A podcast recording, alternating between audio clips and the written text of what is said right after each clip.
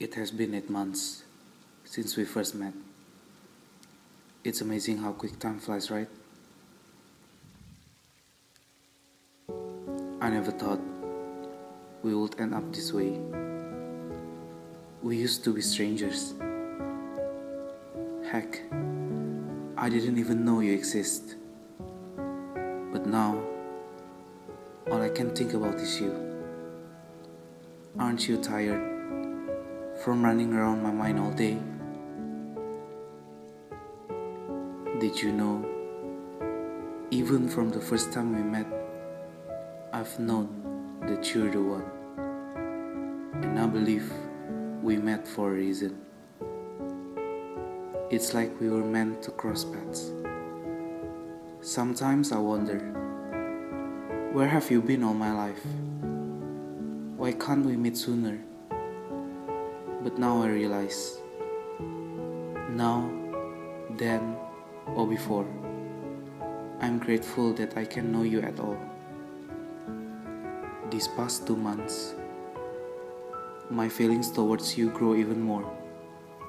And I think, no, I believe that you deserve more than the whole fucking galaxy. Keep that in mind. Did you know? Sometimes it still scares me. The fact that I love you more than anyone in this world. Because I've never loved anyone like I love you before. I don't know why, but the more we talk, the more I care about you. The more we got closer, the more I love you. Damn, stop making me fall deeper in love with you. Can't you see that I'm only me when I'm with you? Can't you see that just by seeing you smile, all my pain washed away? I'm the most comfortable when I'm with you. With you, I can be myself without being afraid of getting judged. It used to feel like we accidentally crossed paths, but now we're making our paths together. I never loved anybody like I love you before. I never cared about someone like I care for you before. I've never been this attached to someone before. I know I can't promise you forever, but I can promise you that I will love you with everything I have as long as I'm still breathing. I promise that even if we part ways someday, I'll still love you no matter what.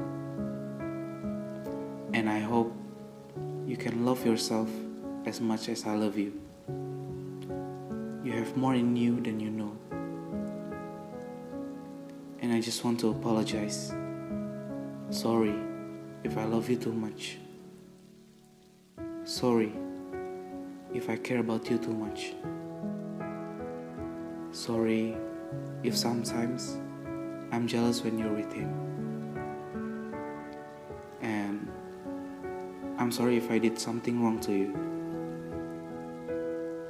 I'm sorry for a lot of things. But I'm never sorry for loving you. I'm grateful that I have you. You're the best thing that's ever happened to me. I love you and I will never let you go.